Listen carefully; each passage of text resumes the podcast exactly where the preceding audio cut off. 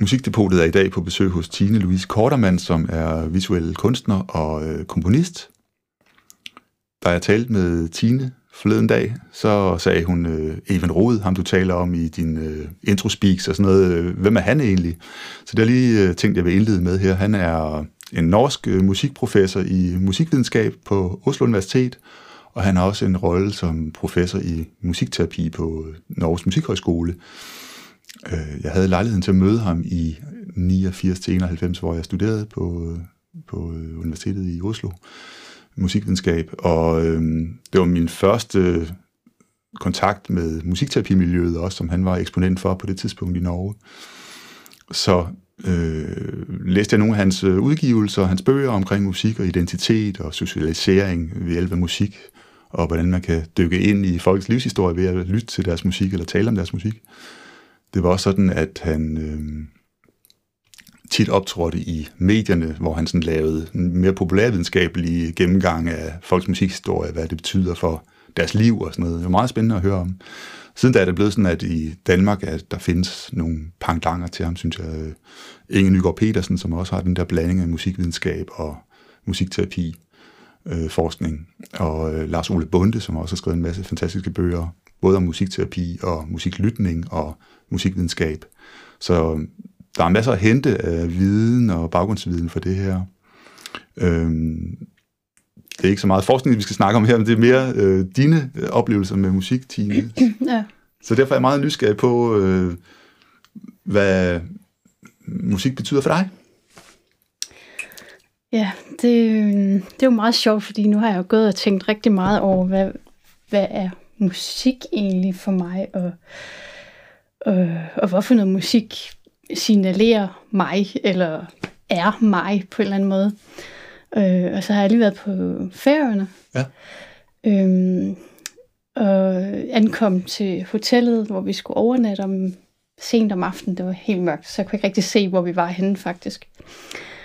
Og så den næste morgen, da jeg øh, slår gardinerne til side, og så er der bare den fa- mest fantastiske udsigt ud over havet.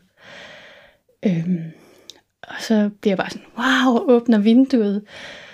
Og så den der lyd, øh, der var af det her ligesom havblik, øh, det sendte mig bare direkte tilbage til nogle barndomsoplevelser, jeg havde øh, på min farmors grund, som lå helt ned til havet. Mm. Øh, og hun boede i sådan en campingvogn. Mm. Så det var sådan meget low-fi living. Øh, det var bare sådan tre skridt, så var du hen ved skrænten, og så var det direkte ja. ned til havet. Øh, og den der lyd af sådan fiskekutter øh, ude i det fjerne, øh, og ligesom den der kappe, der bliver lagt hen over lyden, når man er ved havet, og det er helt spejlblankt, og der ikke er andre lyde sådan tidligt om morgenen. Mm. Det gav mig bare den der association til øh, et tidspunkt i mit liv. Ja. Øhm, og så kom jeg sådan til at tænke på, hvad, hvad er, eller hvornår bliver noget musik for mig? Ja. Fordi det var jo musik for mig, det der. Fordi mm. jeg tænker tit, at et stykke musik, det bliver først musik, i det man har en, en tilknytning, en anden sanselig, rummelig fornemmelse af at have været på et tidspunkt i sit liv, et sted i sit liv, både fysisk, men måske også mentalt inde mm. i sig selv. Ja. Og så tænkte jeg, men musik bliver jo måske i virkeligheden først musik i det øjeblik, at man øh, associerer det med sig selv, at mm. det ligesom er rodfæstet i en selv. Ja.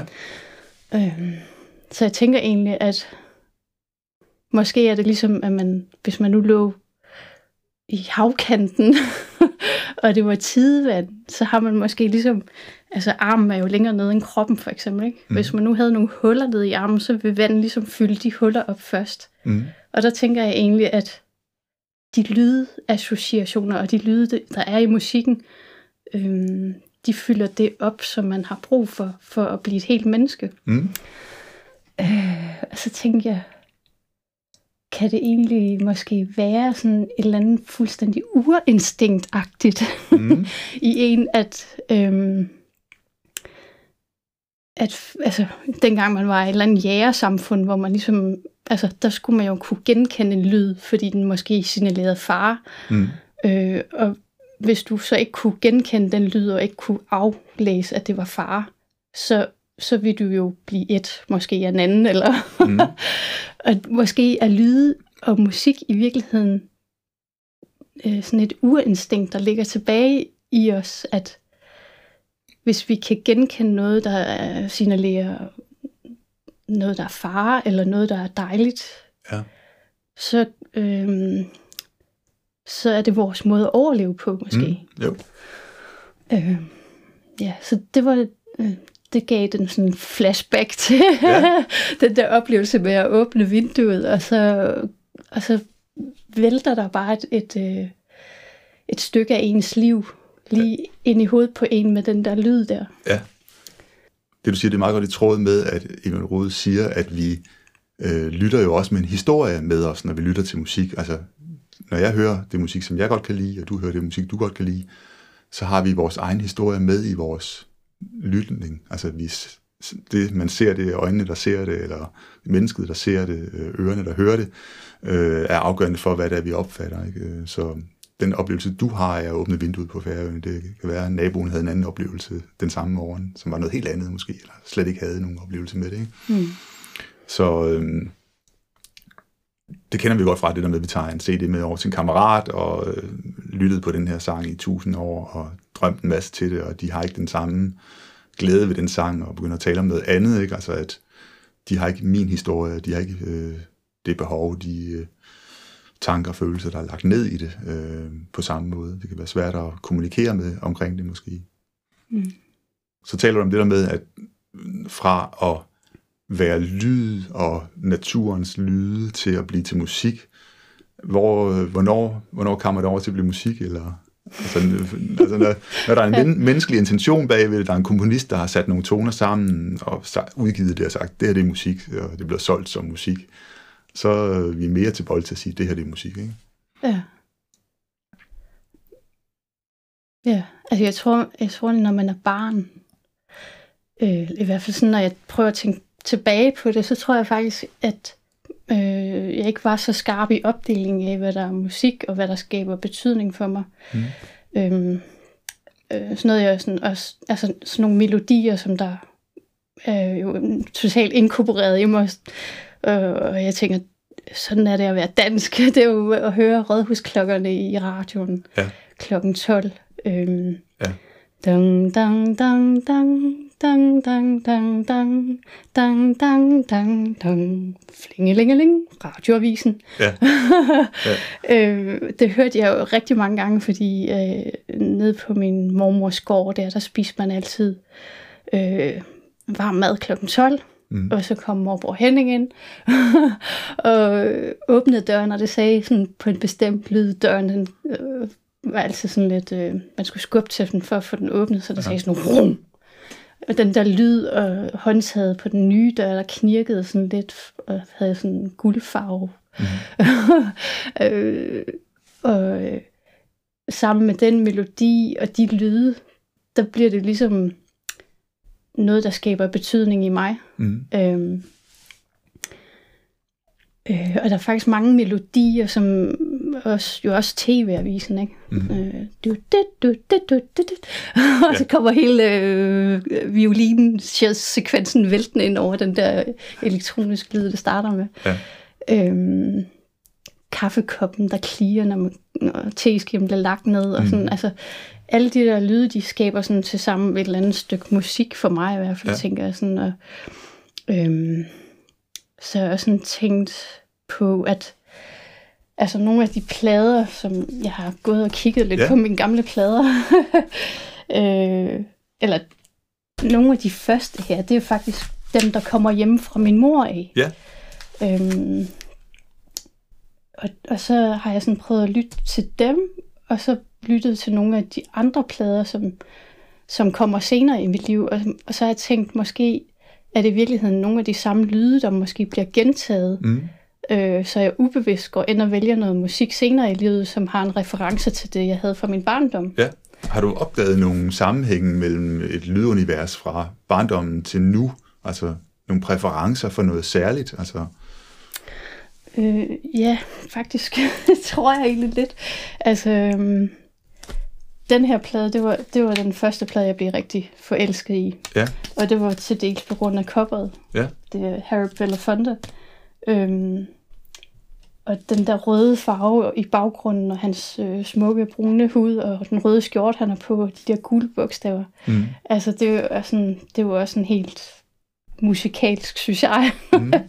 øhm, øh, og så den der um, happy sound, som han har, ikke? Mm.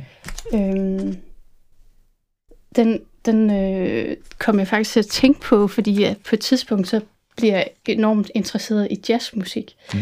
Øh, er rigtig meget på musikbiblioteket. Min storesøster øh, tager mig med på musikbiblioteket og viser mig hele den her verden af, af plader, der bare kan bladres igennem og lånes med hjem. Øh, fordi jeg tænkte sådan på, hvis jeg skal finde ud af, hvad, hvad der egentlig har haft betydning for mig, så skal jeg måske i virkeligheden gå tilbage og kigge på, hvad har jeg gemt Mm. af gamle medier, altså gamle kassettebånd, ikke? Jo. Og så er der sådan en Louis Armstrong-bånd her, øh, som jeg har indspillet på et tidspunkt, His Last Recordings. Ja. Og der er specielt et nummer på, som jeg husker rigtig godt. Uh, The Creator is His Master Plan, eller sådan noget, tror jeg, det hedder. Mm. Og der er sådan en, øh, en anden sanger på, der hedder Leon Thomas, som synger sådan noget jodle-agtigt noget. Øhm, og som er sådan lidt mere over i sådan noget lidt Harry Belafonte, ja. øh, afrikanske rødder-agtigt noget tilbage ja. til det. Øhm, og så tænker jeg, må- måske har det virkelig det nummer, fordi det er det, som jeg kan huske bedst på det her øh, kassettebånd. Måske har det en reference tilbage til Harry Belafonte. Ja. Men jeg kan se, at der var sådan ligesom to, to sider af min barndomsmusik. Den ene var sådan meget øh, glad, måske. Mm. Øhm, og, og den her plade her, det var sådan en, en min far engang var kommet med. Ja. Øh, og min mor og far, de blev skilt på et tidspunkt, så han var sådan lidt forbundet med savn, øh, men også med den her plade. Mm. Øh, og den karakter, som han måske var som person. Og så de andre plader, som er sådan øh, lidt mere sådan nogle... Altså, vi har hørt rigtig meget Billie Holiday til vores familie sammenkomster derhjemme, og det er jo ikke sådan Ja. happy music overhovedet. Nej. Altså, da jeg satte den på den anden dag, så sagde min søn, hvad er det for en baby, der skriger der? Hvad Ja. er det for noget, du har gang i? øhm, og, øh, altså, der er ligesom det der musik, som er sådan lidt øh, sørgmodigt og, mm. Og melankolsk. Ja. Og jeg tror faktisk, jeg har de der to sider, både den sådan meget melankolske side, og så, øh, og så en, en anden side, som er sådan mere melodiorienteret, måske mere ja. lystig, Ja, ja, ja. hvis man kan sige det. Jo. Øhm, Og det kan du genkende som sådan en to spor, der følger dig fra barndommen af og ja. op i nutiden også. Ja, det tror jeg. Ja. Jeg, jeg har sådan været meget sådan indelukket, tror jeg faktisk, som barn. Mm. Øh, meget anderledes, end jeg er i dag. Det er der nok ikke nogen, der vil tænke om mig i dag. Øhm, og der tror jeg, at, det, det har været sådan en, en verden, jeg har lukket mig ind i, Mm. øh, som tror, den afspejler meget godt den der lidt melankolske side. Ja. Øhm, Havde musikken en særlig rolle dengang, altså for dig i barndommen? Det tror jeg måske ikke rigtigt. Altså, vi, vi spillede ikke sådan plader derhjemme. Det var mere sådan radioen, der bare kørte. Mm. Øh, så jeg forbinder det sådan meget med øh, øh, øh, Giro 413 om søndagen, hvor man skulle Ja. gøre rent. Ikke? Det var ligesom traditionen, at vi skulle gøre rent om søndagen, og så var det Giro 413, der kørte. Ja. Og så fik man jo alle de der melodier med ind, og det Mhm. var jo alt lige fra, det er vores fødselsdag i dag, ja, og til, øhm, der står man så, så siger man, nå, dum, da, dum, da, dum, dum. Revyviser og populære Ja. sange og så Ja. videre.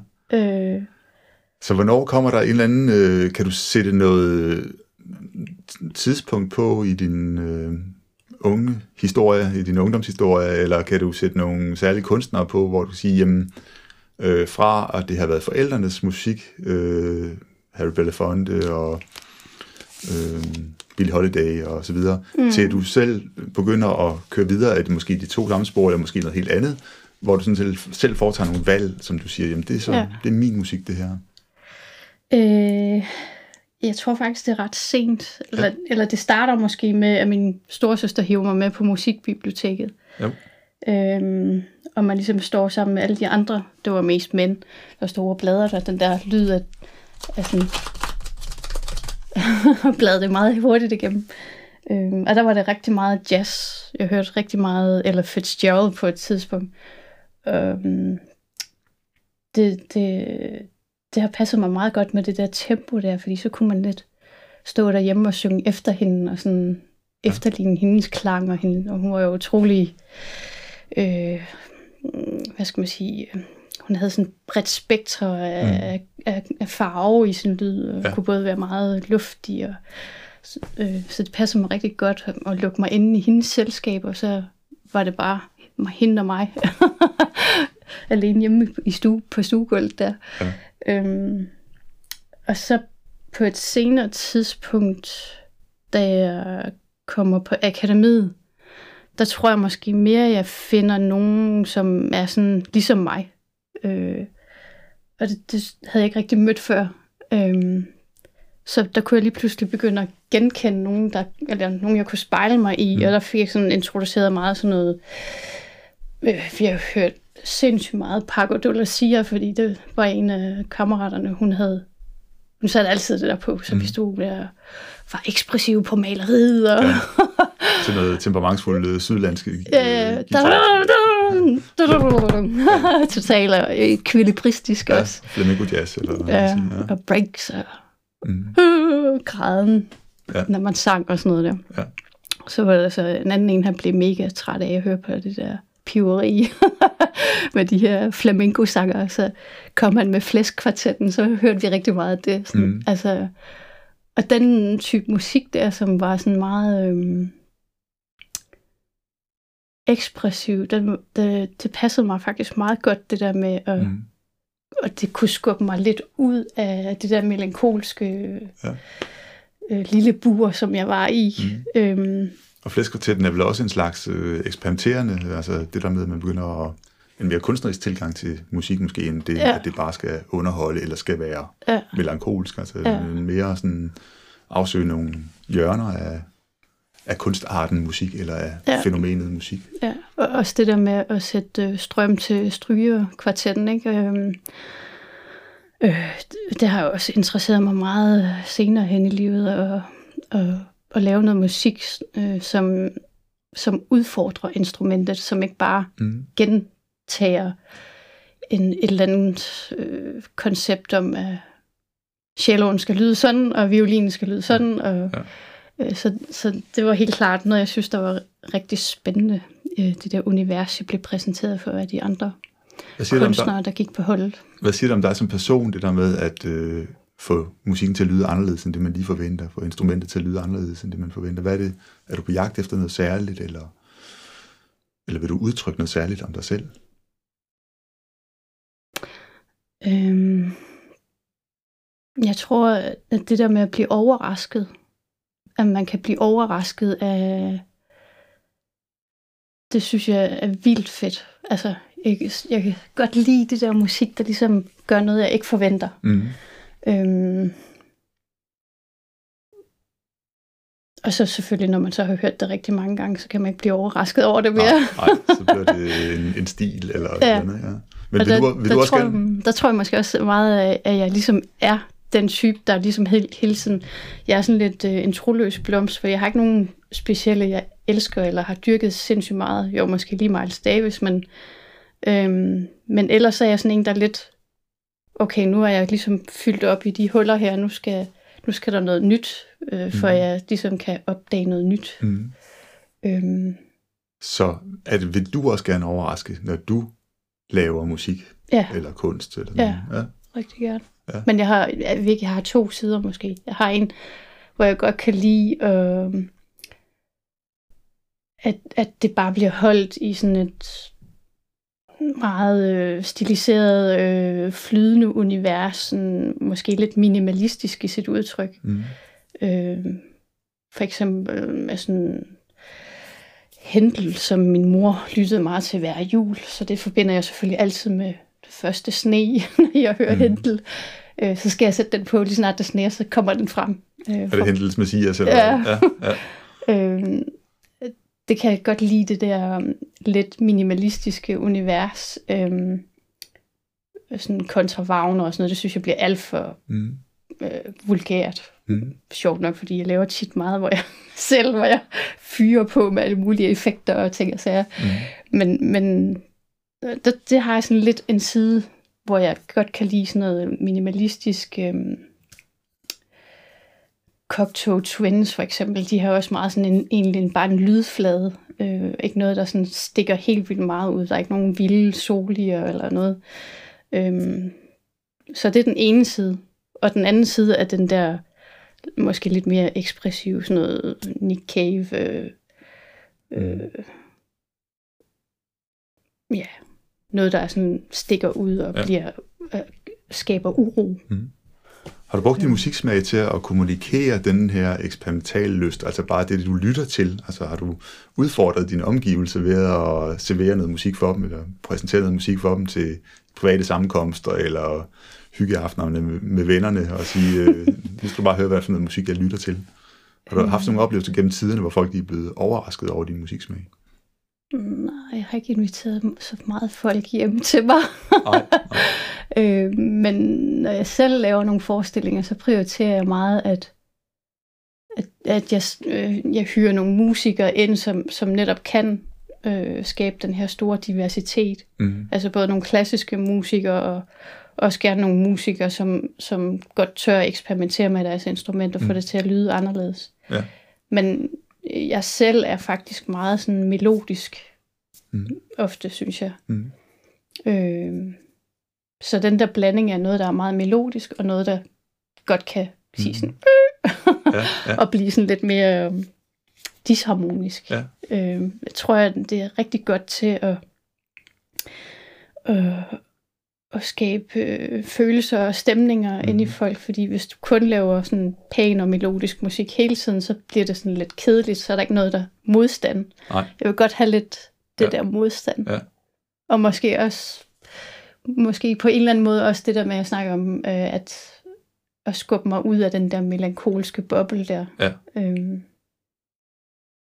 men for eksempel, altså, hvis jeg ikke kan falde i søvn om, om natten eller sådan noget, så på et tidspunkt, der brugte jeg rigtig meget aura med Miles Davis og med Pelle Mikkelborg der. Øhm, til at sidde og lytte på det, og så det er jo egentlig meget sådan noget uroligt musik, ikke? Jo. Men så skabte det faktisk ro ind i mig. Mm. Øhm, at lytte til, til det der. Ja.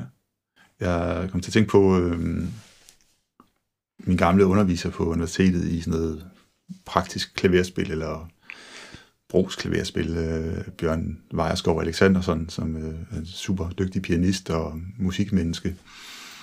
Han øh, øh lavede sådan en analyse af fusionsjazz, hvor han sagde, at i basområdet, der ligger der sådan en kontrapunktisk, øh, funktionsharmonisk øh, spor, som vi kender fra barokmusikken, og i øh, harmoni midter, det harmoniske område, akkordområdet, der ligger der sådan en, øh, en kirkemusikalsk, øh, kirketonal, øh, øh, ikke funktionharmonisk, altså lidt mere løs fra øh, det almindelige dur-mol harmonik. Og i øh, melodilinjen ligger der noget kromatik, og så når man har de her tre spor kørende, og så måske også et rytmespor, som er polyrytmisk og alt muligt andet, så har man jo virkelig mange ting, der sker på én gang, mm. i for eksempel Aura med Miles Davis, eller hele den elektriske del af Miles Davis' musik. Er det det, det der komplekse spændingsfelt der mellem melodiske, harmoniske, øh, rytmiske ting, der er spændende, eller Ja. Altså, jeg tror, det er den der... Altså, nu den er faktisk sådan utrolig meget blandet ja. i stilarterne. Jo, jo. Plus også enormt 80'er-agtig. Øh, jeg tror, altså, den, jeg tror mere, den kunne gøre noget for mig dengang, end den kan i dag. Nu har den måske ligesom mm. opfyldt et eller andet behov, som jeg ikke har behov for mere. Ja. Øh, men den er jo faktisk sammensat både af sådan noget e- elektronisk, og noget klassisk, og noget jazzet. Genremæssigt er det mm. sat sammen. Øhm,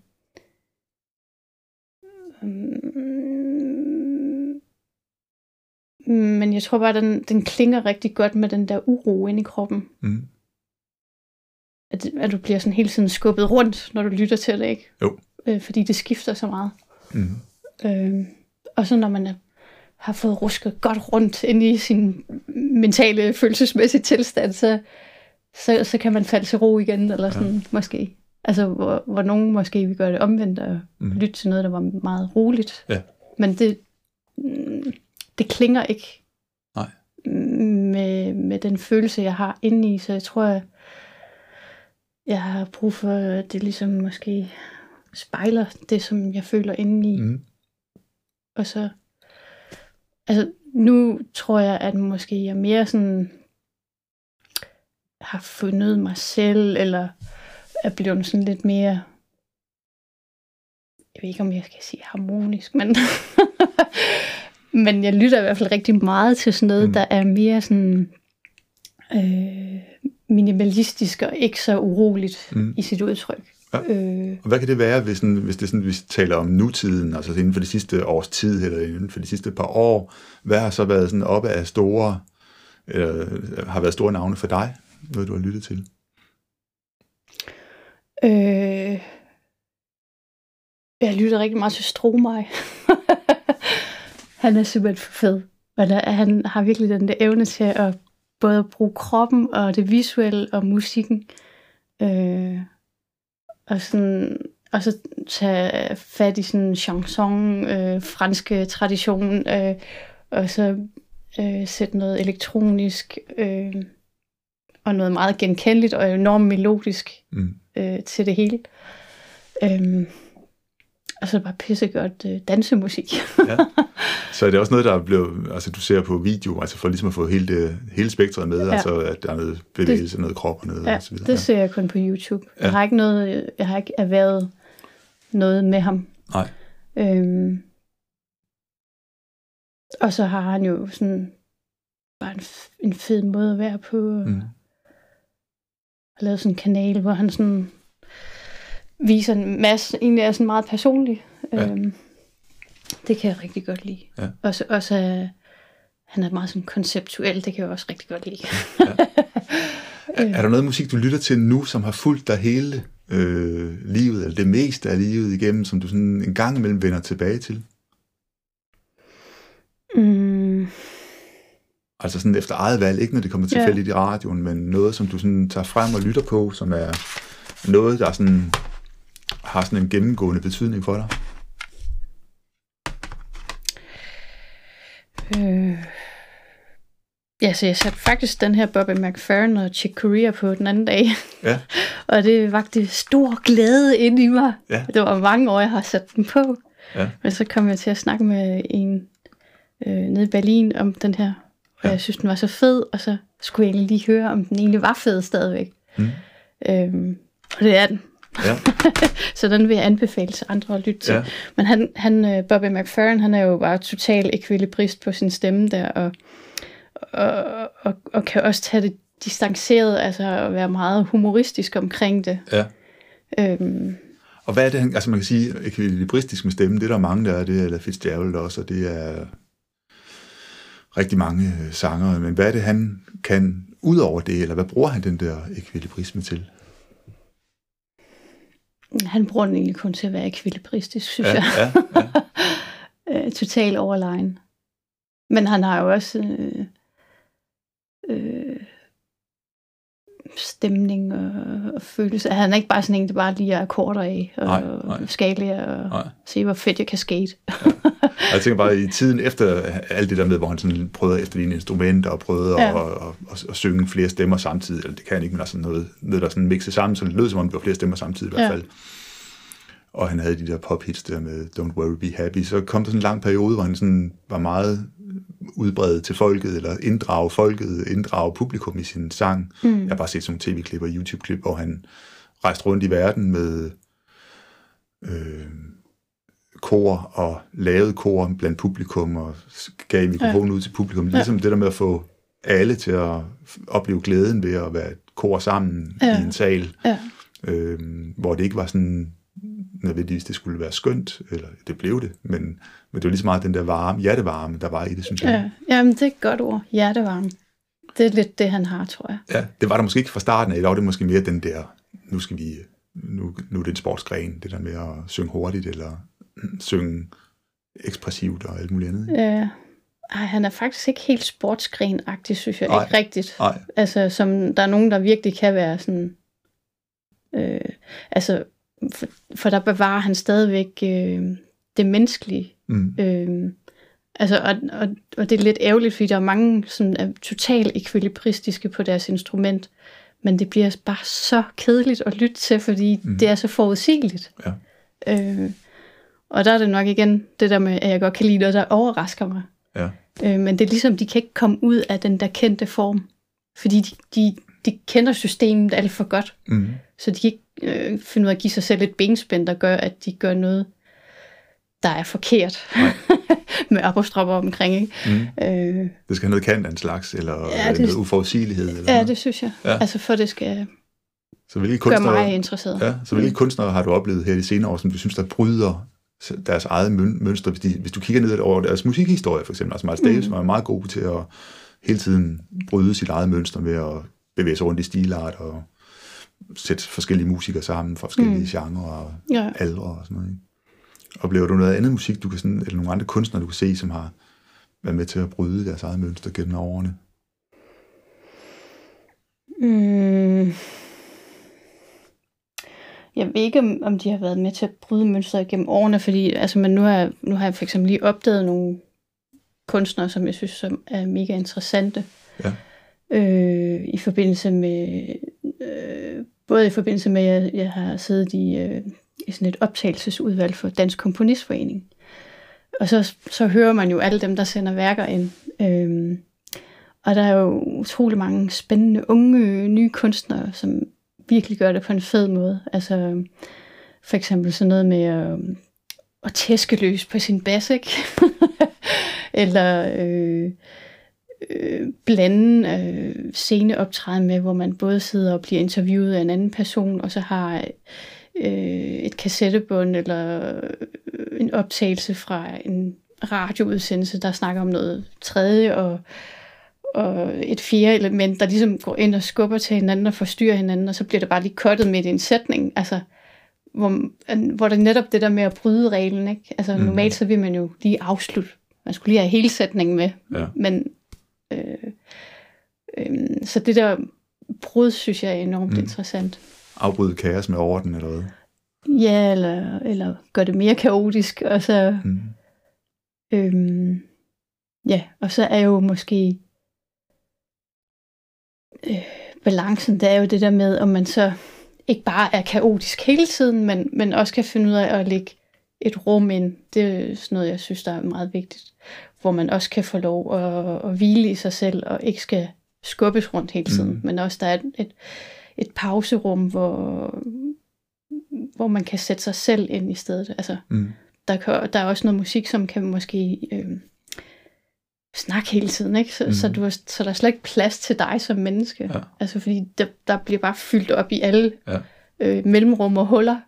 Øh, så er der bare sådan, du, du, du, kakafonisk lyd hele tiden, mm. og så hvor er der plads til mig? Det er der ikke nogen steder. Så, kan jeg, så bliver jeg lukket ud af det. Mm. Så det er den der balance imellem at, at overraske mig, og, og, og så også lige gøre plads til, at uh, nå, nu kan mm. jeg slappe af og tænke mine egne tanker, og og reflektere over, hvad det egentlig er, jeg lige mhm. har hørt. Ja.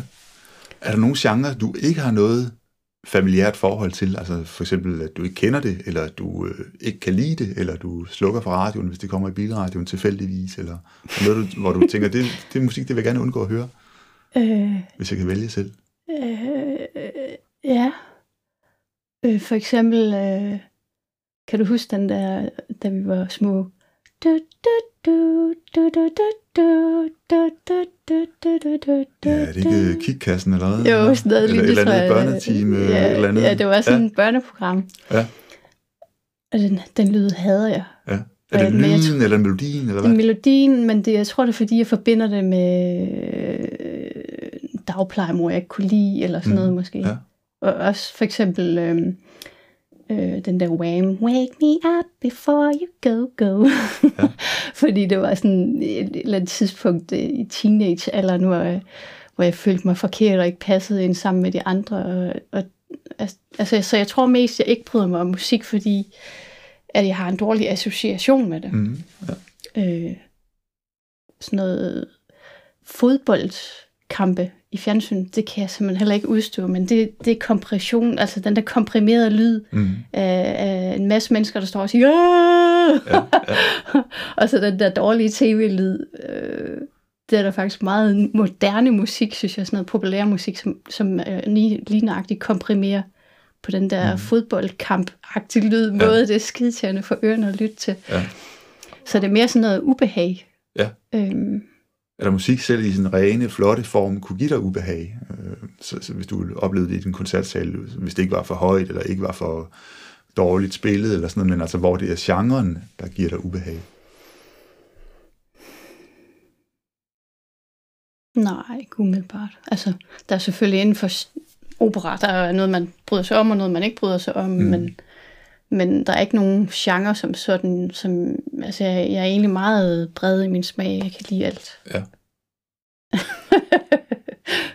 Stort set. Ja. Altså, der er sådan noget... Altså, det er meget sjovt her den anden dag, så, øhm, så kom jeg til at synge den der Flyv ikke højere end vingerne bær. Hold dig til jorden præcis, hvor du er. Og det er jo sådan en forfærdelig tekst, altså. Mm. Mm. Virkelig. Øh, og hvorfor kan jeg den udenad? det var ret sjovt, Ja. ja. at jeg kan det. Øh, og det, og det har netop været sådan en, man har hørt i sin barndom ja. i 2413 ja. tusind gange. Og, og den har sat sig så godt fast, at jeg faktisk kan den udenad nu, selvom jeg ikke... Det var ikke noget, vi havde i vores pladesamling, eller Nej. overhovedet kunne... Og, og altså, det overhovedet ikke ens med, med vores livsværdi eller noget som helst. Så på den måde er den jo forfærdelig. Ja. Men hvad er der så er godt i den? Fordi der må... Melodien er jo pissegod. Ja. Det er jo nok derfor, jeg kan huske den udenad, mm. måske. Ja. Ja. Og så øh, melodikken i, i, øh, i vokalen, eller hvad hedder det, i teksten, ikke? Jo. Den er sådan meget mundret. Ja. Passer til melodien. Nem at samle op for et barn også, måske. Ikke? Altså, Ja, det kan ja. jeg. Mm. Har du sådan med, at der er noget musik, som er din... Det er simpelthen bare yndlingsalbummet, eller yndlingssangen, eller yndlingskunstneren sådan for evigt? Øh... Ja, måske. Altså den her Siguros øh, fandt jeg inde på hovedbanegården. Jeg stod og kedede mig, og så gik jeg ind i pladebæksen der og kiggede. Det er mange år siden, øh, da jeg havde sådan en galleri i København. Og så kom man altid for sent til toget, og så skulle man stå og vente der to timer, fordi det var det sidste tog, og så skulle man vente til det første tog kom igen. Eller sådan noget agtigt. Øhm, og der fandt jeg den her, og det er egentlig meget tit, at jeg finder noget musik, som, hvor jeg tænder på coveret, men jeg ikke aner, hvad det er. Mm. Øhm, Hvad var det ved det cover der, du sidder med her? Og hvad, hvad hedder øh, albummet? s- jeg tror faktisk ikke, det hedder noget. Det er sådan et pergament. Ja, den er faktisk forsvundet. Mm. Skide irriterende. Øhm, men, men altså det, det her, prøv at se noget lækkert papir og printet på. Det er sådan noget pergamentpapir med... Ja. Ja. Og så det her ydercover, der er skåret i. Så det vil sige, inden du har hørt musikken, eller overhovedet kender kunstneren eller kunstnerne, så øh, siger albumets cover der noget. Mm. som gør, at du bliver nysgerrig på det. Ja. Og så passer det meget godt med næsten hver gang, at indholdet også Ja. interesserer mig.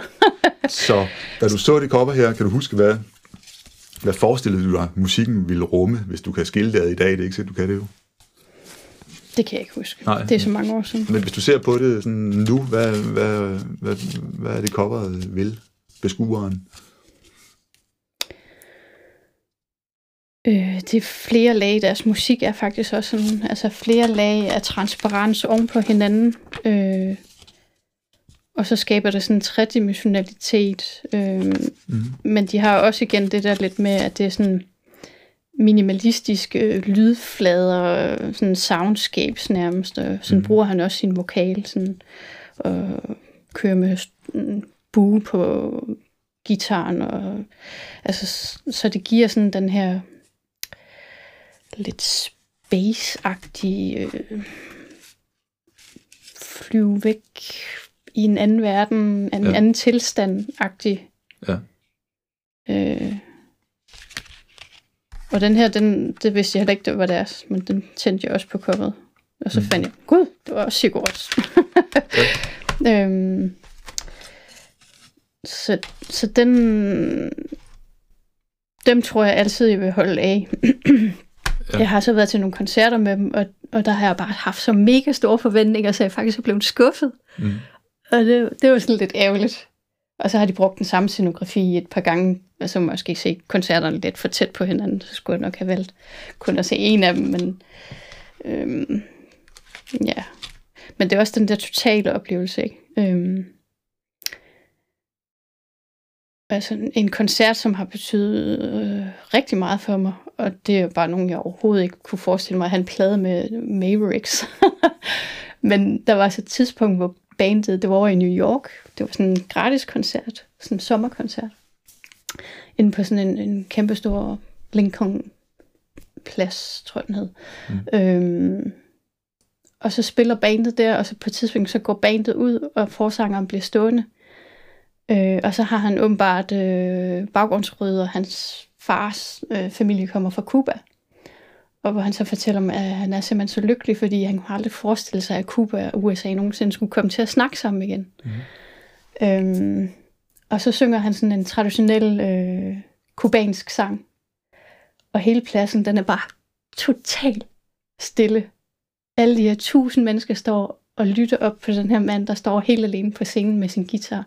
Og egentlig ikke spiller på guitaren, han nærmest slår den bare an med sådan, sådan bliver sådan lidt et slaginstrument også på en måde. Ikke? Mm.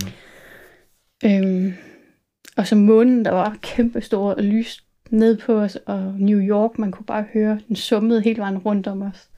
Det var simpelthen sådan en intens oplevelse. Ja. Så det er også det uventede, altså det, ja, det tror jeg. Det man ikke forventer, en der giver noget særligt af sig selv, måske øh, en kunstner, en musiker, en menneske, som har noget særligt på hjertet, lige i den situation der. Ja, ja, helt sikkert. Mm. Jamen, det var ja, altså mennesker, der mødes ja. i et flygtigt sekund. Ja. En særlig intensitet. Ja. Er musikken en særlig kanal for dig til indtryk og udtryk, som har en særlig plads, som er større end andre kanaler til indtryk og udtryk? Øh, Ja, det er det helt sikkert. Altså, en gang der var det maleriet. Altså den der boble, du ligesom kan skabe udenom dig, og, og så det der sammenspil med materialet. Øh. Men nu er det så blevet øh, mig og min mikrofon og hovedtelefonerne, hvor du bare sidder i din egen verden og, øh, og skaber lydstemninger. Og mm. Det synes jeg er mega fedt. Det elsker jeg, det der rum at være i. Det var ikke så tit, men er det, fordi der er så mange andre ting, der skal ordnes. mm. Even Rud taler meget om det der med, at musikken er et uh, hukommelseslager, altså et mindedepot, kalder han det. Øhm, at det er der, hvor vi lægger alle vores stemninger, følelser og oplevelser ned i, som du også har talt om her. Mm. Så når du skaber din egen musik, kan du så se, der er en tråd igennem musikken gennem årene, at, at det er noget af det samme, du genspiller eller genoplever eller vil prøve at finde frem til? At du sådan graver ned i dit eget mindedepot, også når du skaber ny musik? Mm. Altså, jeg arbejder meget sådan med, at jeg er enormt interesseret i identitet, faktisk. Øh, I alt, hvad jeg laver. Øh, men, men jeg tror, jeg prøver at finde ud af min egen identitet igennem andre, andre menneskers identitet, så jeg beslutter mig sådan meget for at undersøge et eller andet bestemt tema, kvinders hemmeligheder, eller øh,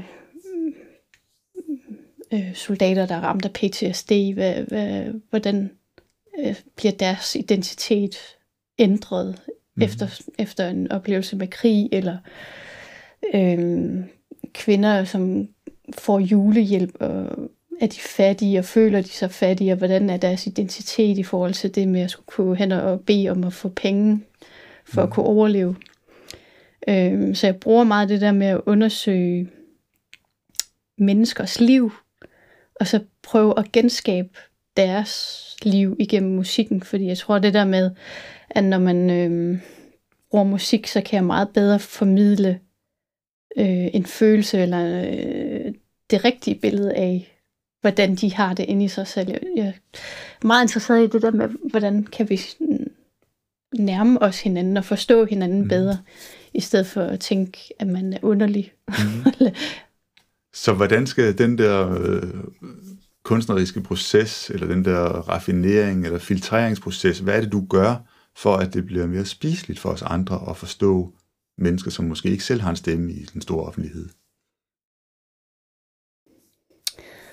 Øh, jamen, altså jeg tror, øh, jeg tror til dels, jeg tror, jeg er god til at kombinere netop det der, det hårde udtryk, og, og så det, der ærer en på kinden. Mm. øh, fordi altså, altså, hvis man skulle kunne forstå et tema, som er svært at håndtere ind i sig selv, følelsesmæssigt og stemningsmæssigt, så duer det jo ikke, at man står og banker folk i hovedet Nej. hele tiden. Så der er sådan et øh, sukkerlag uden på vitaminpillen? Ja, øh, kan man sige. Ja.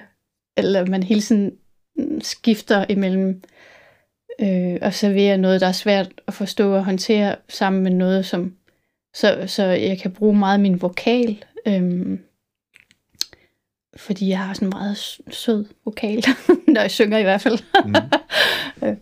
og så og så og egentlig så fortæller om et tema, som virkelig går ondt. Mm. Øhm, øh, og jeg tror bare, det er en rigtig god måde at forstå andre mennesker på igennem kunsten. Mm. Fordi hvis du skriver en avisartikel, så kan du ikke mærke det med dine følelser. Og jeg tror kun, vi kan forstå verden igennem vores sanser. Mm. Øhm, og det kan musikken jo. Den mm. er jo enormt sanselig. Ja. Øhm, og den kan ramme dig lige med det samme, sådan der jeg Altså ligesom med, jeg åbnede vinduet, og så er jeg tilbage på ja. min farmors grund nede ja. ved havet. Øhm, så hvor har du lært det henne? Altså, har du lyttet til kunstnere, som kan det der, som har inspireret dig til lige præcis den der kombination mellem det det lidt vanskelige budskab, eller det, det svære budskab, og så den, øh, den spiselige indpakning? Mm. mm. Det ved jeg ikke. Måske Billie Holiday. mm. altså, hende hørte vi jo til vores familiefrokoster. ja. det var meget øh, lykkelige familiefrokoster, vi havde, ikke? Jo. Ej, men øh, altså, det er jo enormt hårde temaer. Øh, strange fruit hanging from the trees. Øhm. Mm. Var det så, fordi du først opdagede det tekstlige indhold senere hen, eller vidste du godt det, dengang du lyttede til musikken? Mm. Man kunne jo faktisk høre det i musikken. Mm. Jeg kan ikke rigtig huske, om jeg har tænkt over teksterne dengang.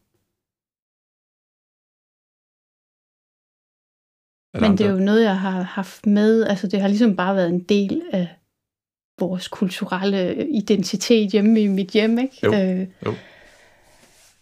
Øh, når der skulle være fest, så skulle vi høre Billie Holiday. Mm. øh, og det er jo ikke overhovedet happy eller noget som helst. Altså, men hun har jo en meget intensiv øh, stemme, insisterende. Mm. Så den er jo egentlig ikke smooth og sød og mild. Nej. Altså den er jo Nej. faktisk, den siger det samme som musikken eller som teksten mm. indeholder. Mm. Så der er ikke sådan kontraster i, der er ikke kontraster i lagene i musik og tekst og sådan det er der vel egentlig ikke rigtigt. Er der nogen nutidige Billie Holiday, som du forbinder lidt med den samme kvalitet? Øh... Mm. Ja, måske øh, Cassandra Wilson. hun har jo en utrolig mm, intensiv, blød, øh, rund stemme. Øh, og hun er ret god til at have nogle øh, musikere med sig, som som netop kan have den der skrællede, øh, eksperimenterende med sit instrument-agtigt lyd, Mm. ikke? Øhm, men ellers så måske en, som jeg lige har opdaget, fordi at jeg, øh, der der var på færgerne, da jeg skulle lave noget research i forhold til en festival, og så ville jeg finde ud af, okay, hvorfor nogle færøske kunstnere er der egentlig? Og så fandt jeg selvfølgelig frem til Ira, og så bliver man på YouTube, der bliver man jo sendt videre. Så endte jeg så med en, der hedder Anna von Hauswolf Mhm. fra Sverige, og hun blander den her kombination af, af ovl. Hun spiller også ovl, kirkeovl. Øh, og så hendes vokal og sådan noget, som egentlig er sådan lidt rocket, måske. Mhm. Den har lidt sådan referencer til en periode i mit liv, hvor jeg lyttede til noget Joe Satriani og sådan noget øh, rock-agtig musik, Mhm. øhm, uden at være sådan noget overhovedet. Øhm, hun kunne måske godt være sådan lidt, mm, hvis man ikke kender hende, så kunne hun godt være sådan lidt svaret på Nick Cave-agtig. Mhm. Øhm, men det, det synes jeg er enormt fedt, det der med at tage kirkeål med ind Mhm. øh, i popmusikken. Ja. Det er fedt. Brug, brug det på en ny måde. Eller? Ja. ja. Ja. ja. Mm. Er der noget, som øh, vi ikke har talt om endnu, som du har sådan, tænkt over, der kunne være spændende at bringe ind i sådan en samtale her? Mm. Ja, på et tidspunkt, der snakkede vi om det der med, om, om eller jeg snakker om det der med, at, at måske, at det musik, man hører i sin barndom, det musik, man så finder senere hen i sit liv, om det måske i virkeligheden, fordi man kan genkende noget fra sin barndomsmusik, barndomslyd. Ja. Og der kom jeg faktisk til at tænke på den her, øh, som min mor lyttede rigtig meget til, når jeg skulle sove. det var pisseirriterende, fordi at der var sådan, det startede med sådan en kæmpe stor gong lyd på en kirkeklokke, og så kom øh, den der byen vågner. Det var virkelig fed, den der sang, ikke? Men der er også sådan nogle sekvenser, som er sådan meget sådan... Øh, øh, elektroniske aktivt faktisk i sit udtryk. Og så øh, på et tidspunkt, så lavede jeg et projekt med Else Marie Pade, og så lyttede jeg faktisk lige til hende nu, fordi jeg skulle lige høre, hvordan det egentlig svingede inde i mig nu. Ja. Øh, fordi ja, nogle gange så kan det jo godt passe til en, når man lige Ja. den periode, hvor man finder det i, man gør det så også senere hen i sit liv. Og der er faktisk nogle sekvenser, som, som øh, minder utrolig meget om noget af det her lyd, der er på Dødens Triumf. Ja. Og så tænkte jeg, er det så fordi, svinger det så i mig, fordi at jeg kan genkende det fra den her plade? Mm. Altså så i virkeligheden, så alt det musik, man vælger senere hen, det er måske bare en gentagelse af, Mm. mm. hvad man har... Altså fordi, at jeg har helt klart... Øh, altså hvis jeg skulle vælge, så, så betyder den enormt meget for mig, den her dødens Mhm. triumf. Også selvom den har været irriterende faktisk, da jeg var Mhm. barn. Men, men den har... Altså den er forbundet med min identitet, føler Ja. jeg. Forstår godt, hvad du mener. Ja. Og det er Savage Rose, øh, Dødens Triumf, øh, du sammenligner med Else Marie Pade, i hvert fald i en anden form for... i nogle sekvenser i Ja. det, der minder om hinanden. Ja. Noget, noget lyd, jeg Ja. synes, jeg kan genkende. Ja, og jeg tænker også, at, at det du taler om, det er jo om, om man så har en eller anden kulturel, bredere kulturel identitet, som ligger i ens, der hvor man er vokset op, den tidsalder, man er vokset op i, som du snakker om, Mm. om flyve ikke højere end vingerne bærer, så er der noget melodik, vi kender fra 100 års, eller flere hundrede års musiktradition, noget dur-mol, funktionsharmonik. Der er en måde at synge på, som vi kender fra noget folkelig sang måske, og noget populær sang. Mm. Lige så vel som der i rådhusklokkerne kunne være en eller anden form for øh, sådan arkaisk eller øh, gammel øh, naturtonerække, øh, naturtonestemning, øh, som vi kender fra, øh, når man prøver at reproducere gamle øh, middelalder øh, instrumenter og den slags ting. Mm. Så der ligger alligevel noget i det at være nordisk, i det at have været vokset op i 60'erne, 70'erne, 80'erne, 90'erne og få dannet meget af sin kendskab til musik på det tidspunkt. Så hvis nu man var blevet forestillet sig, man var blevet øh, sat et andet sted på jorden på det tidspunkt, man blev født, så ville man have en helt anden referenceramme måske. Mm. Ja. Så det, som du, man, det, som jeg måske eftersporer lidt, og som Even Rode i sin bog, øh, Musik og Identitet, eftersporer, det der med at finde den personlige musikidentitet, den har et, en kæmpe stor grundklippe af noget, som ikke er ens personlige, men som er ens baggrundskultur. Mm. Og så bygger man ovenpå med nogle nuancer af det. Mm. Tænker jeg lige bare, når du siger det, du siger her. Ikke? Ja. Altså, at, ja. at vi har en bred fælles bank af minder, som hedder, vi har alle sammen lyttet til rådhusklokkerne i radioavisen, vi har alle sammen lyttet til, til børnemusik i fjernsynet, øh, og så hele den lyd og den måde at spille og synge på, det er en fælles bank af minder. Ja.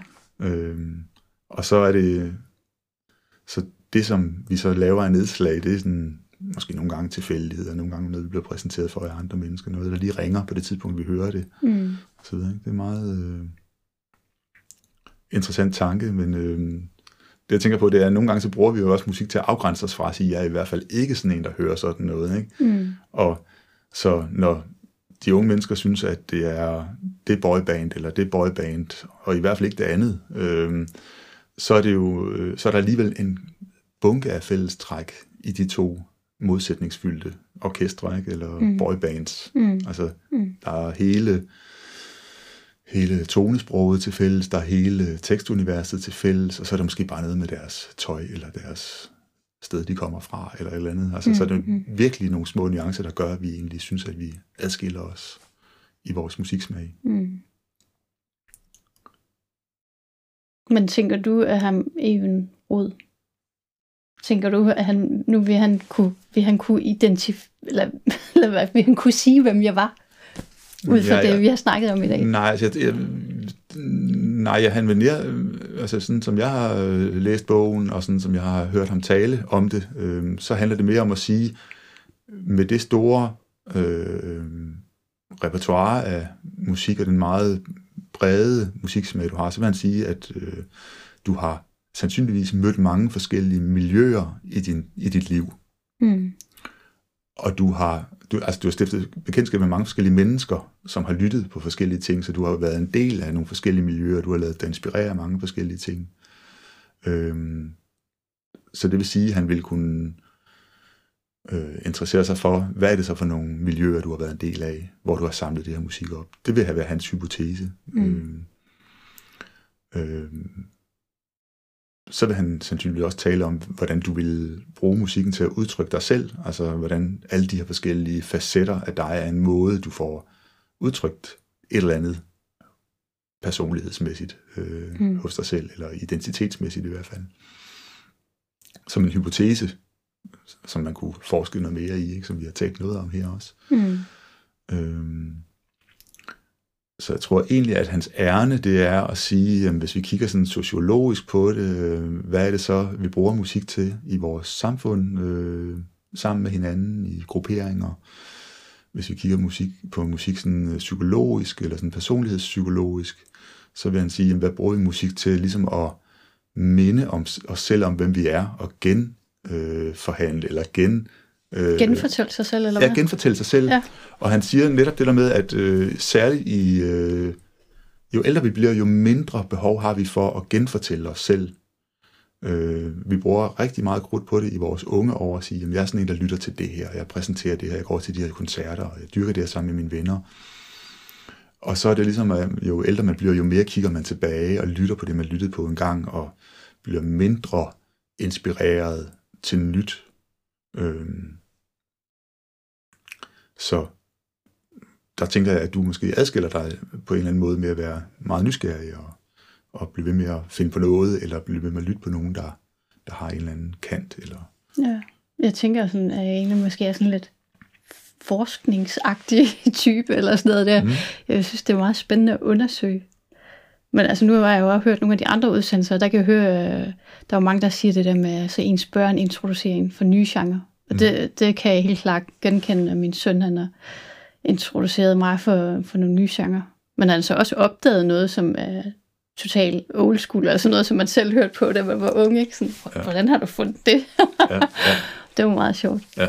Øhm, og så øh, helt klart også øh, øh, YouTube bruger jeg rigtig meget. Men jeg elsker også hele den der visuelle side der, så jeg bruger det også meget til inspiration. Øhm, ja. Mm. Er der noget musik, du tænker, det kunne være spændende at udforske? Noget, du ved findes derude, men som du ikke kender særlig godt? Mm. Mm, ikke umiddelbart. Jeg har bare lyst til at lytte til det hele. Ja. Jeg, hvis jeg havde flere liv, så ville jeg blive koncertpianist, eller vibrafonist, eller... øh, ja, jeg synes, jeg synes bare, det er skide spændende at opdage noget nyt. Øh. Og blive overrasket igen